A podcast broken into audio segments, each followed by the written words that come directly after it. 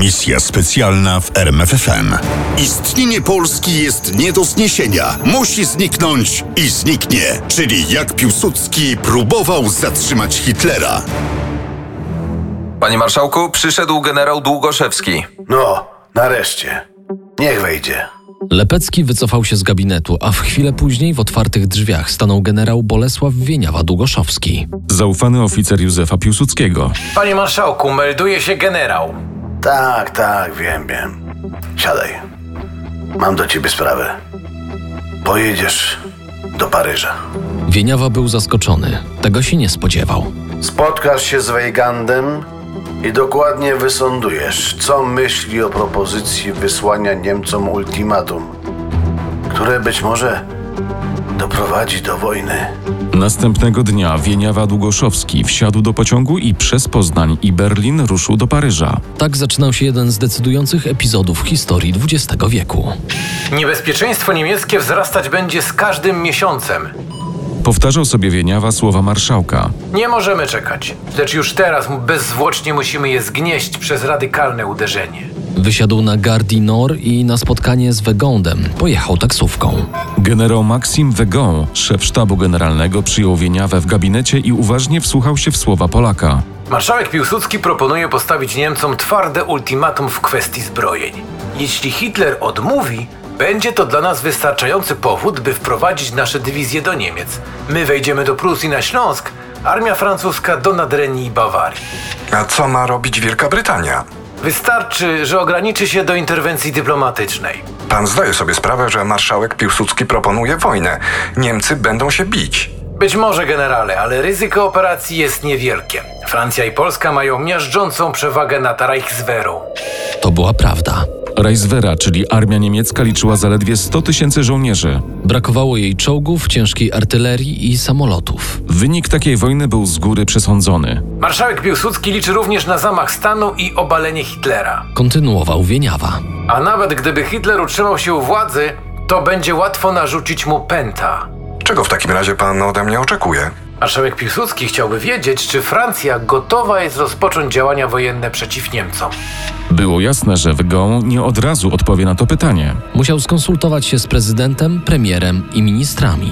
a na to potrzebował czasu. Tymczasem oczekujący w Warszawie na rezultat misji Wieniawy Piłsudski zaczynał się niecierpliwić. Zastanawiał się, czy jego inicjatywa spotka się w Paryżu z łaskawym przyjęciem. A może Francuzi uznają, że Piłsudski panikuje? Ale Piłsudski nie panikował. Od 1918 roku Polska była solą wokół dla Niemiec. Niejednokrotnie mówił o tym twórca Reichswehry generał Hans von.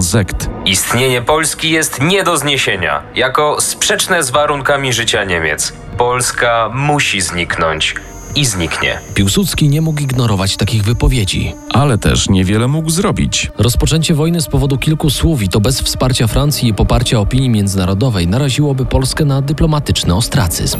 Należało więc najpierw to poparcie zdobyć. Tymczasem wcale nie było to takie łatwe mimo łączącego Polskę i Francję sojuszu wojskowego. Zachód jest obecnie parszywieńki. Mawiał Piłsudski i zgadzało się z nim wielu polityków i oficerów. Szczególnie narzekano na Francuzów. Kiedy w październiku 1932 roku pojawił się w Warszawie nowy atasze wojskowy Francji, niejaki pułkownik Charles Darbonneau, marszałek wprawdzie powitał go uprzejmie, ale nie odmówił sobie pewnej uszczypliwości. Pierwsze trudności sprawi panu chłód i podejrzliwość, z którym pan się spotka. Jest to skutek pożałowania godnej polityki stosowanej przez Francję wobec Polski. Tak, tak. Musimy się mieć na baczności. Francja nas porzuci.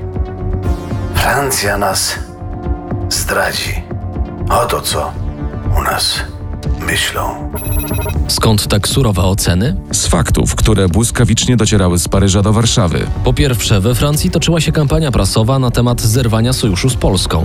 Ktoś nawet posunął się do tego, by wprowadzić korekty zachodniej granicy Polski na korzyść Niemiec. Oczywiście nie zamierzano pytać o zgodę Piłsudskiego. Trzeba wyciąć wrzody, które grożą światu, w tym przede wszystkim korytarz gdański. Gromko domagali się wybitni pisarze francuscy na łamach miesięczników. Po drugie, dywizje francuskie wycofały się z okupowanej od 10 lat Nadrenii. I po trzecie, Francja zamykała się właśnie za potężną linią fortyfikacji, którą nazwano później linią Maginota od nazwiska ministra pomysłodawcy. To oznaczało, że armia francuska nie zamierzała prowadzić wojen agresywnych z Niemcami. Ani interweniować, gdyby pokojowi w Europie znów zagroził imperializm niemiecki. Ale na tym nie koniec.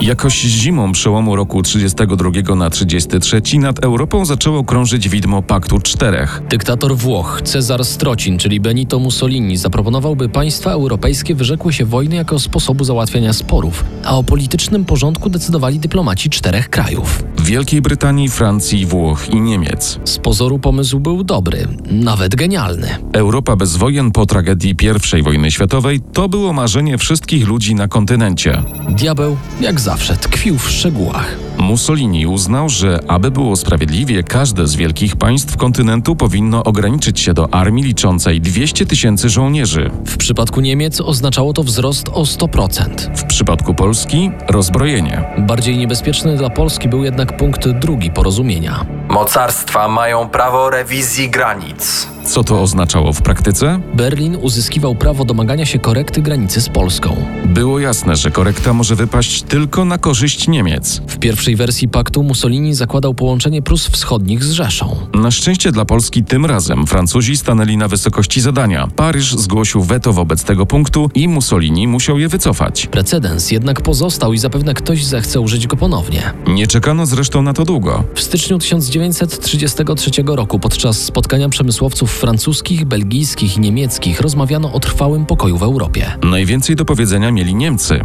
Tylko anulowanie niesprawiedliwych postanowień pokoju wersalskiego pomoże zaprowadzić porządek w Europie. Żądamy przyłączenia do Niemiec Pomorza Gdańskiego, Gdańska i Górnego Śląska. Odpowiedź nadeszła po kilku dniach. Rząd francuski nastawiony jest przychylnie do tych żądań. A jak w takim razie ten sam rząd nastawiony był do pomysłu Józefa Piłsudskiego? I z czym generał Wieniawa Długoszowski wrócił z Paryża? Wrócił z niczym. Francja nie garnęła się do wojny z Niemcami. Tymczasem nowy kanclerz Niemiec, Adolf Hitler, już zaczynał pokazywać swą ponurą twarz. W wywiadzie dla Sunday Express mówił: Korytarz Polski ohydna niesprawiedliwość. Wróci do Niemiec i to w krótkim czasie. Trzy dni później na słowa kanclerza odpowiedział minister Józef Beck. Jeszcze nigdy nie udało się zmienić granic za pomocą słów. Minister Beck i jego mentor, marszałek Piłsudski, wiedzieli dobrze, że same słowa nie wystarczą również do obrony granic. Dlatego Piłsudski zdecydował się zagrać ostrzej niż zazwyczaj. W Niemczech zbliżały się wybory parlamentarne i wedle wszelkich wskazówek miała je wygrać partia nazistowska NSDAP. Ten sukces mógł wywołać kolejne wrogie wobec Polski komentarze, a być może nawet decyzję Hitlera. Musimy pokazać Niemcom, gdzie jest ich miejsce. Tłumaczył Piłsudski Beckowi. Trzeba ich postraszyć. Dlatego nakazuję zmobilizować dywizję na Pomorzu, a na Westerplatte wyślemy dodatkowo 120 żołnierzy.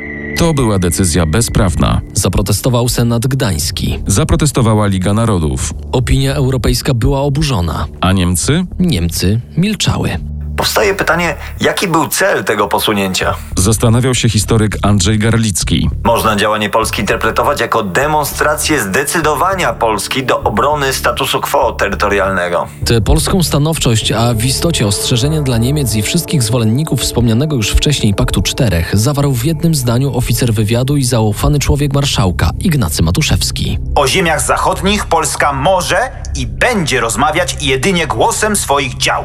Piłsudski tymczasem w zaciszu swojego belwederskiego gabinetu przygotował dekret pod tytułem Na wypadek wojny z Niemcami i przesłał go prezydentowi do podpisania. Czy zatem rzeczywiście w 1933 roku marszałek Piłsudski szykował się do wojny? Minister spraw zagranicznych Niemiec Konstantin von Neurath obawiał się, że tak w istocie było. Panowie, Mówił na posiedzeniu rządu. sytuacja jest napięta. Za wszelką cenę musimy unikać prowokacji. Przeczytam, co o tym wszystkim sądzi nasz ambasador w Warszawie, von Moltke.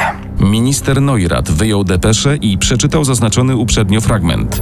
Pakt czterech i obawy zbrojeń w Niemczech mogą skłonić Polskę do wojny prewencyjnej. Wobec tego nie przyjmujemy Paktu Czterech. Wy może tego nie widzicie, ale według mnie również dla Niemiec jest on niekorzystny i krzywdzący. Niemcy rzeczywiście nie przyjęli Paktu Czterech. Wobec tej odmowy i zdecydowanego stanowiska Polski plan Mussoliniego upadł. Nie zmieniało to jednak faktu, że Niemcy wciąż musiały tonować swoje zapędy wobec Polski, przede wszystkim z racji własnej słabości militarnej. Nie możemy prowadzić wojny. Pisał szef sztabu Reichswehry generał Wilhelm Adam.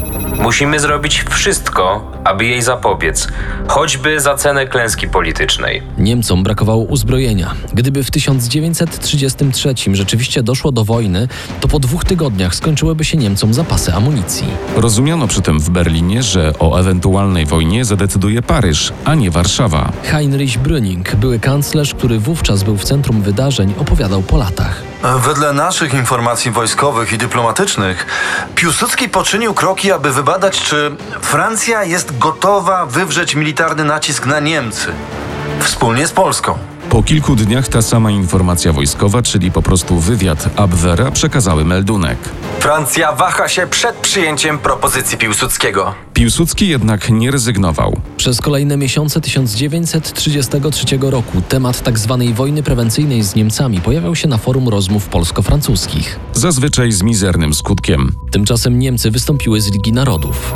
I co równie ważne, z konferencji rozbrojeniowej. To był sygnał, że Hitler zaczyna odbudowę potęgi militarnej Rzeszy.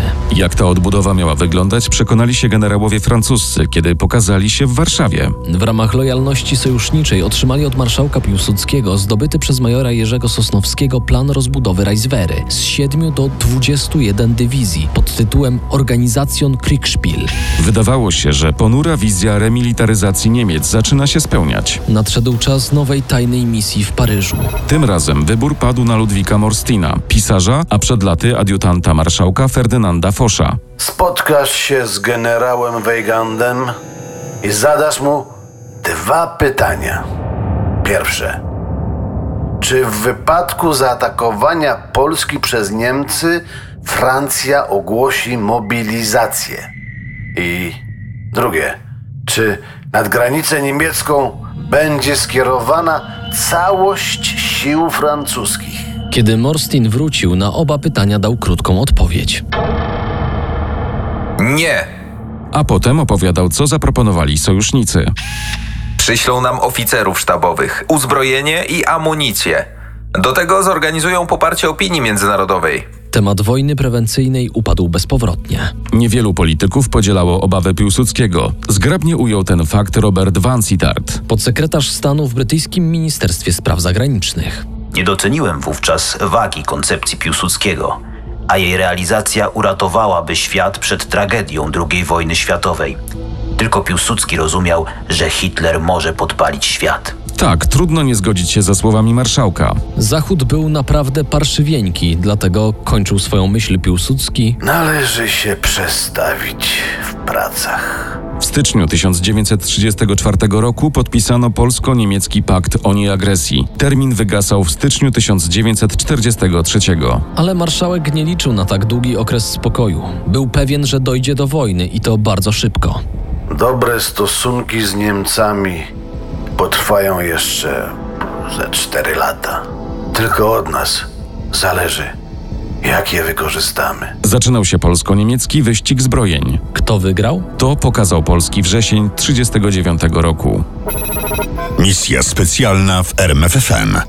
Na tropie największych tajemnic historii.